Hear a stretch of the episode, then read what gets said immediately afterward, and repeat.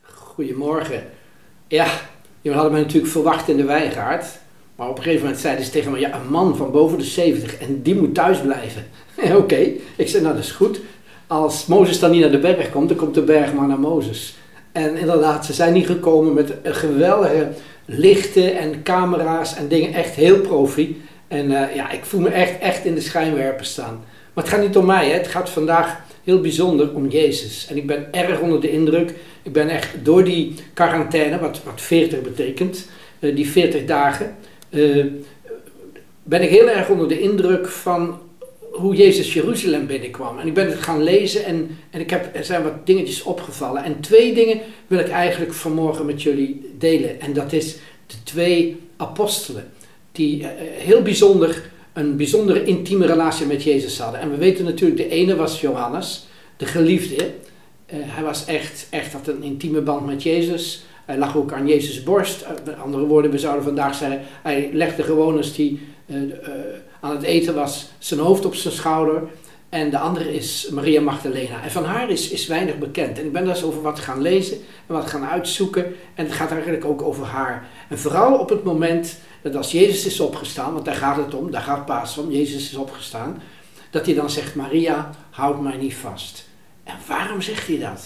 Waarom zegt hij dat? Het moet juist geweldig zijn, hij is opgestaan, hij kan uh, die vriendschap weer oppakken van, van vroeger. Uh, maar ja, het gaat toch anders.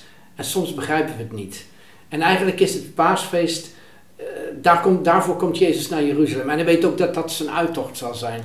En op een gegeven moment zegt hij tegen de apostelen van uh, ga eens eventjes uh, een, een, ezeltje halen met een, met een veulen erbij en dan ga ik Jeruzalem binnen. En wat een mooie tocht zou moeten zijn, dat begint eigenlijk al niet zo leuk. Hij gaat vanuit de hof, hof, nee, de, de, de Olijfberg, gaat hij met, met, loopt hij een stukje door en dan komen ze met die ezel, met die kleine erbij, dit veulen. En dan op een gegeven moment, dan zegt hij, daar ga ik op zitten. En ik vraag, ja, waarom nou een ezel? En toen dacht ik, ja, dat staat in Zacharias. Uh, Zacharias staat er, jubel, luide gij dochter van Sion, juich gij dochter van Jeruzalem. Zie, uw koning komt tot u, hij is rechtvaardig, zegevierend en nederig. En rijdend op een ezel, op een ezelhengst en een ezeljong. Staat in Zacharias vers 9, vers 9. En, en dat was een profetie voor de koning. En dan zegt hij tegen de apostelen: ga een, een, een, een, een ezel inhalen en een veulen. En, en dan staat er in uh, Lucas 9, vers 41 dat hij zie, of nee, in Matthäus 21, vers 4: zie, uw koning komt tot u, zachtmoedig en rijdend op een ezel en op een veulen, het jong van een lastdier. Daar werd eigenlijk die profetie die gezegd werd, werd in vervulling gebracht. En wat mij dan opvalt is dat er staat dat er over zijn karakter gesproken wordt. Hij is nederig. Van welke koning zeg je dat? Hij is nederig. Het staat al opgeschreven in Zacharia en zeker in Matthäus staat het weer.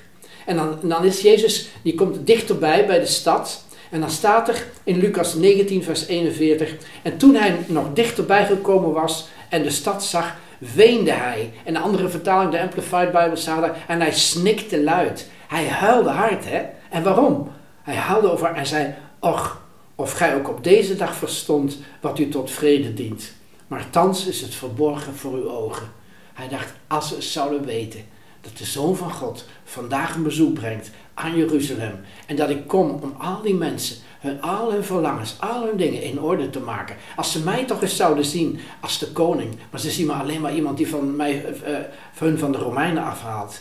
En als het er op deze dag, en welke dag was het? Ja, de dag dat iedereen in Israël die paasfeest zou gaan vieren, een lam apart ging leggen. Die dag was het een paar dagen voor Pasen. De gewoonte was dan om dan het lam te nemen, dat apart te zetten, te onderzoeken, apart te zetten, dat het geslacht zal worden met Pasen.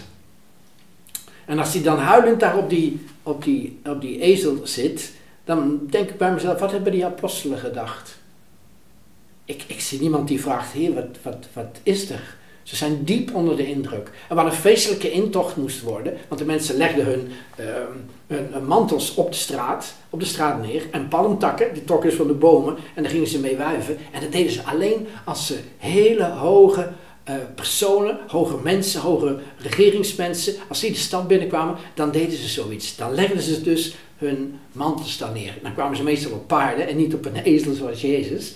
Ze op paarden of op een rijtuig of wat dan ook. Om echt eer te bewijzen en echt te zeggen, ja, hij is degene die we verwachten. Hosanna, de zoon van David. En dan komt Jezus en dan rijdt hij verder die stad binnen en dan huilt hij. En dan is hij zo bewogen. Weet je, wat ik zo mooi vind? Jezus heeft alles voor elkaar. Hij is emotioneel heel. Hij is niet iemand die, oh, oh, oh, weet je wel. Hij is emotioneel heel. Maar hij is zo bewogen met de mensen. Zo bewogen met, met hun, hoe ze daar als, als, ja, hoe moet ik het zeggen, als mieren door Jeruzalem lopen en doen en alles bezig zijn met een hele hoop. Ik, ik, ik denk zelfs hè, dat die fariseërs hebben gezegd, joh, wat is er allemaal aan, aan te doen daar? Dan gooien ze daar de mantels op de straat, zie ik dat goed, en trekken ze uh, uh, dingen van de boom af en dan gaan ze mee zwaaien en ah, dan gaan ze die, die messias, zijn helemaal geen messias. We hebben hem ondervraagd, maar hij eet met, hij eet met, met, met mensen die belasting innen en, en afzetters en, en prostituees gaat hij om. Maar dat zijn we de Messias. Goh, nou joh, wij verwachten de Messias, maar laten ze een beetje rustig doen, want het is paasfeest. En dan gaat hij verder en dan komt hij, als hij dan door de, door de, de stad is gegaan, komt hij uiteindelijk komt hij bij de tempel. En dan gebeurt er iets. dan denk ik, ja, dan ziet hij in die tempel hoe de mensen bezig zijn om steeds meer, wat meer ruimte in te nemen. Eerst waren ze buiten de tempel, maar ja, je weet hoe koopmannen zijn. Die willen elke keer zo dicht mogelijk bij de bron. Nee, ik ga even mijn tafeltje opschuiven, ga nog even wat meer. Uiteindelijk zaten ze vooraan in de tempel, waar ze helemaal niet mochten komen, waar eigenlijk eh, het gebed uh, plaatsvond. Daar gingen ze naartoe met hun tafels. En op die tafels lag geld. En wat voor geld? Dat was tempelgeld. Elke persoon die daar kwam moest iets kopen, moest of een uh, lam kopen of een paar duiven of wat dan ook, wat ze dus zouden offeren. En dat werd alleen, kon alleen betaald worden met tempelgeld. Dus mensen moesten wisselen. Ze kwamen met hun gewone uh, geld wat ze van hun provincie hadden en dat wisten ze daar dan. En ja, daar maakten ze natuurlijk uh, mooie winsten op. En Jezus zag dat en hij denkt, waar zijn jullie mee bezig? Dat is het huis van mijn vader, het huis van gebed. En waar zijn jullie mee bezig? En hij pakt een, paar stel touwen, pakt hij die daar zag liggen waarschijnlijk. En hij slaat die mensen de tempel uit. Hè. Hij gooit die tafels om, al het geld eroverheen en alle spullen die ze daar hadden. Nou, dat moet een kabaal geweest zijn. En de fariseeën stonden te kijken en ze zeiden, dit kan niet. Wij moeten zorgen dat voor het paasfeest, dat we met deze man hebben afgerekend. Want dit gaat niet goed komen. En als hij dat gedaan heeft, dan gaat hij door. En, en, en dan wil ik het eigenlijk even hebben over wie waren eigenlijk uh, de mensen die Jezus vergezelden. Er waren natuurlijk zijn twaalf apostelen, ook zijn moeder, uh, Maria. En dan was er nog een. En dan staat er in Lucas 8, staat het zo mooi, vers 1 tot 3. De twaalf vergezelden hem en ook enkele vrouwen die van, die van boze geesten en ziekten genezen waren. Maria uit Magdala, bij wie zeven demonen waren uitgedreven. Johanna, de vrouw van de rentmeester van Herodes, en Susanna, en nog tal van anderen die uit hun eigen middelen voor hem zorgden. Nou, die Maria van, van Magdala, het is heel bijzonder. Magdala was het plaatsje waar ze vandaan kwam. En Magdala, dat plaatsje, eh, dat, dat ligt ongeveer zo'n vijf kilometer van Tiberias. Een beetje in het westen van het meer. En eh, Magdala betekent eigenlijk toren. En daar was een toren die ze daar neergezet hadden om vis te drogen. En uh, Magdala was een, had een bijnaam. Het was een beetje een, een, een, een stad, een beetje de Las Vegas van, van, van, van, van Israël. Want daar kwamen de Romeinse soldaten, kwamen daar feestvieren, geld uitgeven en, en, en aan dat soort dingen. En het was ook een rijke buurt. Het was, het was, was heel bekend dat daar de rijkste mensen die daar uh, uitzicht hadden op het meer, uh, daar tegen de heuvel aan woonden. En uh, Maria woonde daar ook daar. En ze was, ze, ze was goed bij kas. Ze had verschillende huizen en ze, ze, ze had alleen niet, ze was enorm verwond. Ze was diep verwond. Er staat dat er dat ze de zeven demonen uitgedreven waren. En dan geloof ik niet dat het woord zeven betekent dat ze zeven verschillende spirits of geesten had, maar zeven is het, is het, is het getal. Het getal dat er heel veel waren. En ik denk dat we dan, ja, de, de, dat, dat Maria dat enorm uh, geleden heeft uit, door depressies. Ik zie een nerveuze vrouw die, uh, die geplaagd wordt door angst, depressies, paniekaanvallen. En met wilde ogen gaat ze naar Jezus toe. En ze kijkt en ze denkt, is de hoop voor mij. En oh, wat verlangt ze naar die rust, wat verlangt ze naar vriendschap, wat verlangt ze naar acceptatie. En ze heeft alles wat haar hartje begeert. Ze is rijk, ze heeft geld, ze heeft alles wat haar hartje begeert. Maar één ding heeft ze niet, en dat is rust. En dan ziet ze die Jezus, en Jezus kijkt haar aan. En hij ziet hoe ze lijdt onder die dingen. En hij zegt, ik ga je, ik ga je genezen. En hij drijft die geesten die haar plagen, drijft die uit. En ze is gezond. En oh, wat is ze dan blij. En wat doet ze dan? Dan zegt ze, en nu wil ik bij deze man blijven. Maakt niet uit, ik vergeet waar ik woon, ik ga gewoon meetrekken. En ze hoorde als een van de discipelen, hoorde ze bij de Messias. Vanaf toen ging ze overal met Jezus naartoe.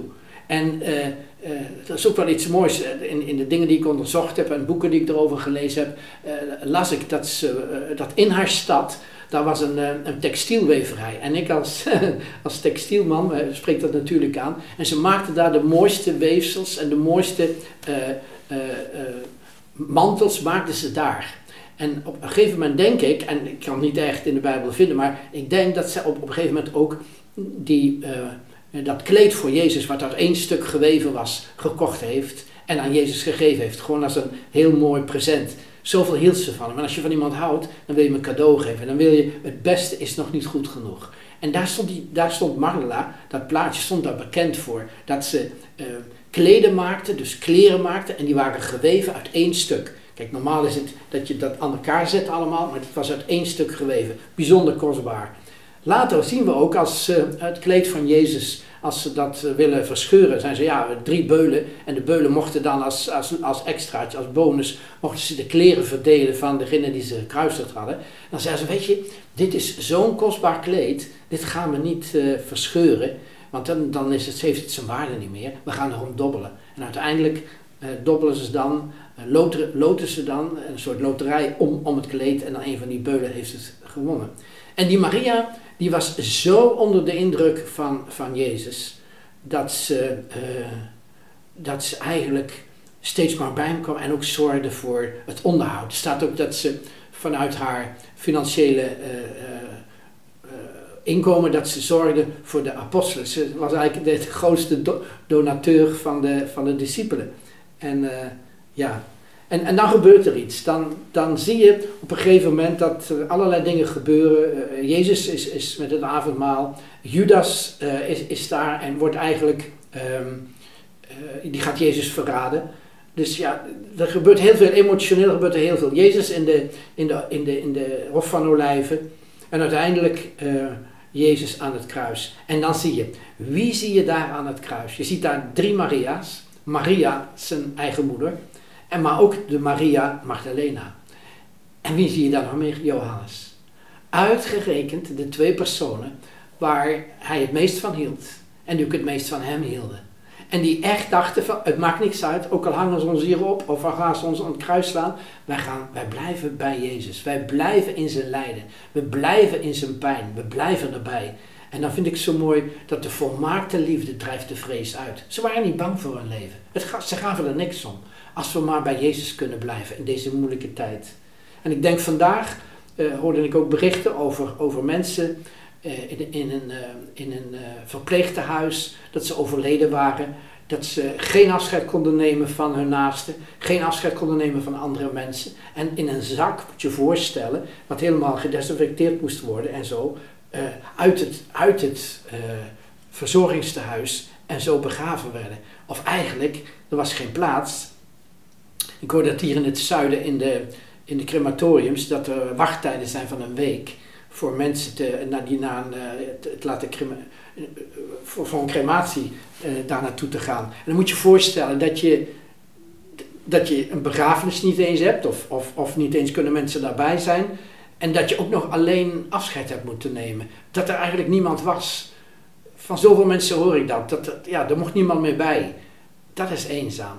Nou, bij Jezus was het, was het ook bijna zo, maar die waren er wel bij. Maria was erbij en Johannes was erbij. En dan gebeurt het dat ze diep verdrietig terug naar huis gaan, Johannes en de apostelen, en dat ze bij elkaar komen. En dan de volgende dag, eh, op, op, op de zondag, na de Sabbat, gaat Maria gaat naar, um, het staat kijken, Johannes 20. En op de eerste dag van de week ging Maria van Magdalena vroeg, terwijl het nog donker was, naar het graf. En ze zag de steen van het graf weggenomen. Eilings kwam ze dan bij Simon Petrus en bij de andere discipel, dat is natuurlijk Johannes, die Jezus lief had, en zei tot hen: Ze hebben de Heer weggenomen uit het graf en we weten niet wat ze waar ze hem hebben neergelegd. Dat staat in, uh, in Johannes 20, vers 1. En, en, en, dan denk ik, ja zie je, wat gebeurt er nu weer?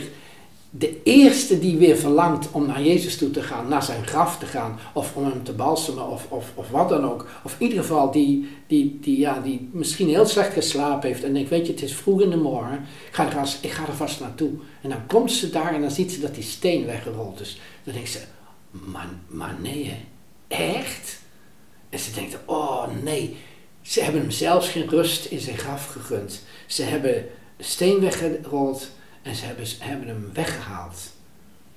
En dan staat het dat ze nou, terug gaat naar de, naar, de, naar de apostelen. En dan Petrus en Johannes, die gaan dus achter haar aan en zeggen, ja, we gaan kijken. En dan Petrus komt daar, maar Johannes gaat naar binnen. En Johannes ziet op een gegeven moment, ja, Jezus is weg en gaan ze terug. En zij blijft daar achter. En dat is typisch Maria. Dat is typisch eh, Maria die ongelooflijk veel van Jezus houdt. En eigenlijk denkt, ja, waar moet ik naartoe? En ze blijft bij het graf. En dan staat er in uh, Johannes 20, vers 11. En Maria stond buiten dicht bij het graf, wenende. Terwijl ze dan weende, boog ze zich voorover naar het graf. En ze zag twee engelen zitten in witte kleren. Eén aan het hoofdeind en één aan het voeteneind. En toen ik dat las, toen dacht ik, waar doet me dat aan denken? Je hebt daar waar Jezus hoort te liggen, een engel aan de ene kant en een engel aan de andere kant. En toen moest ik denken aan het verzoendenksel, het verzoendeksel in het Heilige der Heiligen. Die twee engelen die zaten daar, bovenop het verzoendeksel, zijn die twee engelen die daar bewaken de aanwezigheid van God. En Jezus was er niet meer. En ze zeiden tot haar vrouw, waarom huilt u? Ja, niet zo moeilijk. Eh, degene waar ik van hou hebben ze weggenomen. En ze zeiden tot hen, omdat ze, en ze zei tot hen, omdat ze mijn Heer weggenomen hebben en ik weet niet waar ze hem neergelegd hebben. Na deze woorden keerde zij zich om en zag Jezus staan, maar ze wist niet dat het Jezus was. En Jezus zei tot haar, vrouw, waarom ween je? Wie zoek je? Ze was zo vol van tranen dat ze niet kon ontdekken wie het was. En ze zat, ik kan me zo voorstellen dat ze daar zo voor dat graf aan het, aan het huilen is. En dat ze zo door de tranen heen daar een man ziet staan. En denkt ze, oh ja, heb jij het misschien gedaan? Oh ja, je bent misschien de tuinman die ook die, die graven allemaal een beetje bijhield.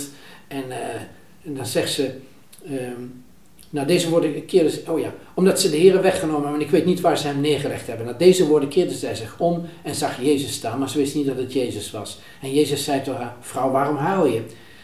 Wie zoekt gij? En ze meende dat het de hovenier, de tuinman was, en zei tot hem, Heer, als gij hem weggedragen hebt, zeg het mij dan, waar ge hem hebt neergelegd, en ik zal hem wegnemen. En Jezus zei tot haar, Maria.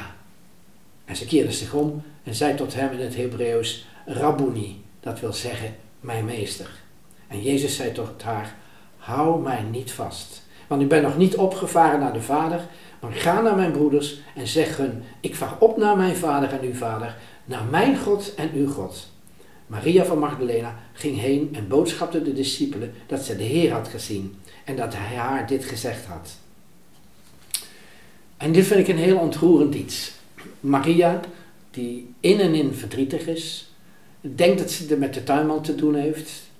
En tegen hem zegt, meneer zeg het maar waar u hebt neergelegd, dan neem ik hem mee dan kan ik hem meenemen, want ja, dit kan echt niet. En dat hij dan alleen zegt Maria. En ik denk dat hij dat op zo'n manier gezegd heeft dat ze direct wist, ja, dat kan maar één iemand zo zeggen. En dat is, en dat is Jezus. Ik denk vaak dat ze met vragen bij hem kwam, waarom dit en waarom dat? En kunt u uitleggen van dit? En dat hij het dan gewoon zei, Maria, Maria. En dat ze zo wist, dat kon maar één iemand zeggen. Zo op die manier. En daar herkende ze dan dat het Jezus was. En ze dacht, en nou laat ik je nooit meer gaan. Nu ben je van mij. En ze pakt een beet bij zijn voeten en Jezus zegt, Maria, hou mij niet vast. Hou mij niet vast. Want ik, ik, het is niet zo dat ik met je meega. En het is niet zo dat ik weer terug naar de discipelen ga. Daarbij ga ik vanavond pas naartoe. Want ik ga eerst naar de Vader. Naar jouw Vader en mijn Vader. naar jouw God en mijn God. En waarom zei Jezus hou me niet vast? Omdat hij zegt, ik wil jou, ik wil jou, jouw uh, uh, fysieke uh, gehechtheid aan mij, wil ik naar een hoger niveau brengen, naar een geestelijk niveau. Ik wil naar mijn vader gaan en ik wil hebben als ik terugkom. En ik over mijn apostel ook blaas. En daar blaast dan de geest over hen. Bij de jongens die daar uh, zitten te wachten in die zaal. En, dan, en dan heeft hij één verlangen dat we een geestelijke relatie met hem krijgen. Geestelijke intimiteit. En dat is heel wat anders. En toen ik dat las over van hou me niet vast, toen dacht ik, er staat in, in, uh, in Hooglied 3 staat er ook iets. De wachters die in de stad hun ronde deden, troffen me aan. Hebt ge ook mijn zielsbeminde gezien? Ook een vrouw die naar haar geliefde zoekt. Nauwelijks was ik hem voorbij gegaan, of daar vond ik mijn zielsbeminde. Ik greep hem vast en wilde hem niet loslaten, totdat ik hem had gebracht in mijn huis. Hooglied 3. En dat is het eigenlijk, de, het, het grote verlangen van de bruid naar de bruidegom. En dat is eigenlijk waar Jezus uh, voorheen gegaan is naar de Vader. Om, om, om te zorgen eigenlijk dat wat ook in, die, ook in een tuin gebeurd was, dat Adam daar zat en dat Adam zegt van, uh, dat, je, dat, de vader tegen hem zegt, ja wie, wie, wie heeft je dan uh, gezegd dat je van die boom moest eten? Ja, mevrouw had hij dan gezegd. Ja, met iets van, ja, ja die heeft u mij toch gegeven. Had me dan alleen gelaten, was niet gebeurd. Nou, ik geloof het niet hè. maar dat is het. En, en daar gebeurt iets, daar, daar gaat Adam, die, die verbergt zich voor God, voor de schaamte en daar is verwijdering. En hier zie ik, in deze tuin zie ik, zie ik weer dat Jezus zegt, ik ga nu naar mijn vader, naar jouw vader en mijn vader, naar jouw God en mijn God. En ik zal het weer in orde maken, zodat we op een ongelooflijke nieuwe manier een relatie kunnen gaan hebben, op een intieme relatie hebben, die eigenlijk, um, ja, die eigenlijk uh, bedoeld was dat we dat altijd zouden hebben. En dan op een gegeven moment um, um, oh ja, dus, dus de, de, de, fysieke aanwezigheid moest omgezet worden in een geestelijke aanwezigheid. En, uh, en dan later dan, dan uh, denk ik dat ze echt, echt dat gedaan hebben. Dat ze zei van ja, weet je, Jezus heeft ons ook leren bidden. En, en dat is zo mooi. Dat staat in, in is eigenlijk de laatste maanden, vooral in die, in die lockdown waar we nu in zitten, is dat mijn lievelingstekst geworden. En dat is Matthäus 6 vers 6. Maar wanneer gij bidt, ga in uw binnenkamer, sluit uw deur en bid tot uw vader in het verborgene. En uw vader die in het verborgen ziet, zal het u vergelden. En dat is het, hè? Intimiteit. Ik, ik hoor heel veel de laatste tijd dat Psalm 91 wordt verteld. Dat we geen angst hoeven hebben, dat we uh, bij Jezus uh, uh, mogen komen, bij God mogen komen. En dan, dan begint die Psalm 91, die bestond, wanneer gij gezeten bent staat er in de schuilplaats van de Allerhoogste. Nou, die schuilplaats, daar staat in de Amplified Bible, staat er secret place. En dit is die secret place. Dat is die, sluit die deur, ga naar binnen, want daar gaat het om. Alles wat Jezus, waar Jezus is voor opgestaan, is om ons terug te brengen in die relatie met de Vader. En dat is door gebed. En de laatste tijd ben ik ontzettend bezig om, om te kijken van, ja, wat is bidden? Hoe, hoe, hoe kan ik in die, in, die, in die secret place komen? Hoe kan ik daar uh, uh, dingen doen? En wat, en wat gebeurt daar eigenlijk? En ja, dat, dat is eigenlijk, eigenlijk heel bijzonder als je dan ziet hoe, hoe je eigenlijk net zoals Jezus wil worden. Want we, zeggen dus wel, we zeggen dus wel van, um, uh, ja, ik wil als Jezus worden. En wat bedoelen we, bedoelen we dan? Dan willen we eigenlijk net als hij nederig worden. Ik heb het geprobeerd. Ik ben nu pas 73 geworden vorige week. En ik heb geprobeerd om nederig te worden. Weet je dat me dat niet lukt? Ik kan me wel vernederen. Ik kan me vernederen voor mensen. Ik kan me vernederen voor God. Ik kan, ik kan aan zijn voeten komen in de, in de stille tijd. Dat ik naar hem toe ga. En dat ik, en, maar maar, maar ik, kan mezelf, ik kan mezelf niet veranderen. Maar weet je wat, wat er gebeurt als ik... Um, als ik daar in die secret place, in die geheime plaats met God ben, en als ik daar intimiteit met hem zoek, dan zie ik dat hij mijn hart verandert. En dat ik dan denk van, ja, maar het, het hoeft allemaal niet meer zo. Het gaat ook niet zo allemaal, weet je. En dan denk ik, ja, weet je, in het begin dacht ik, ik, ik, kom in die, in, die, in die plaats, in die, in die stilte, en dan is het dan een kwartier, half uur en soms wel een uur. En dan denk ik, ja, wat gebeurt hier eigenlijk? En toen had ik gedacht, ja, ik, ik voel helemaal niks. Ik zeg, god, ik zit hier nou een half uur en ik, ik voel eigenlijk helemaal niks. En ik, ik hoor geen stem en ik hoor helemaal niks.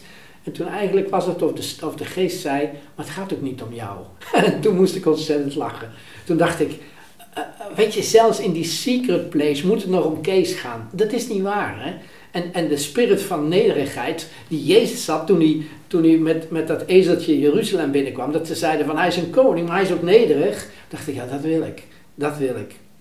En, en ik heb hier een paar dingen opgeschreven. Daar wil ik mee afsluiten. God is een God die zich verbergt voor het vleeselijk oog. Zolang ik met mijn, met mijn verstand ga zitten wachten tot hij iets gaat zeggen tegen mij, ga ik het niet ontvangen. Zolang ik met mijn, uh, met mijn vleeselijke ogen naar hem blijf kijken, ga ik niets ontzien. Behalve als ik het met de ogen van mijn hart ga doen. Zolang onze aanbidding nog voornamelijk over onszelf gaat, wat ik erbij voel, wat ik eraan heb, uh, gaan, we, gaan, we, gaan we hem niet ontmoeten. Uh, ook het tweede puntje wat ik even aan wil halen is: ga je secret place binnen in geloof om hem daar te ontmoeten. Bid tot je vader die in het verborgen is en sluit je deur. Je deur sluiten is dat je de deur dicht doet voor het uh, geluid van buiten. Maar als je binnenkomt, dan hoor je pas de, de, ja, het rumoer wat er in jezelf is. En ook dat kan tot stilstand gebracht worden. En dan staat er, uh, heb ik hier nummertje 3. God vult alleen een vat wat leeg is van zichzelf. Zolang je nederig bent, kan hij jou ook vullen. Een nederig hart kan hij vullen. Als je leeg bent van jezelf, als je vol bent van jezelf, kan hij dat niet. Als je leeg bent van jezelf, kan hij jou vullen. En dan heb ik hier puntje 4. Het is ons ego, ons zelfleven, wat vaak in de weg staat om nederigheid en die genade te ontvangen. Hij zegt, de, nedere, de nederige geef ik genade. Verneder jezelf, dat is jouw gedeelte. En Gods uh, verlangen is, en dat gaat hij dan doen, is jou verhogen. En toen dacht ik, oké, dan krijg ik dus podium omdat ik uh, me vernederd heb. Nee, hij gaat je verhogen in de nederigheid van Jezus. God is een beloner van die hem ernstig zoeken. Je vader die in, verborgene zal je daarvoor belonen. Hij zal je maken datgene wat je niet kan. En dan wil ik even iets tegen je zeggen. Stel dat je zegt, Kees, werkt het echt zo? Ja, het werkt echt zo. Ik heb het nu 40 dagen uitgeprobeerd. Als woensdag was mijn eerste dag dat ik daarmee begon. Uh, toen ben ik twee weken in Curaçao geweest. S'morgens had ik het altijd, uh, had ik niemand. Had ik, smiddags had ik een afspraak of s'avonds soms. En verder de hele dag bij, de, bij het zwembad zitten met mijn Bijbel en met een paar boeken. En ik heb gezien dat de aanwezigheid van God, dat daar dingen gebeuren.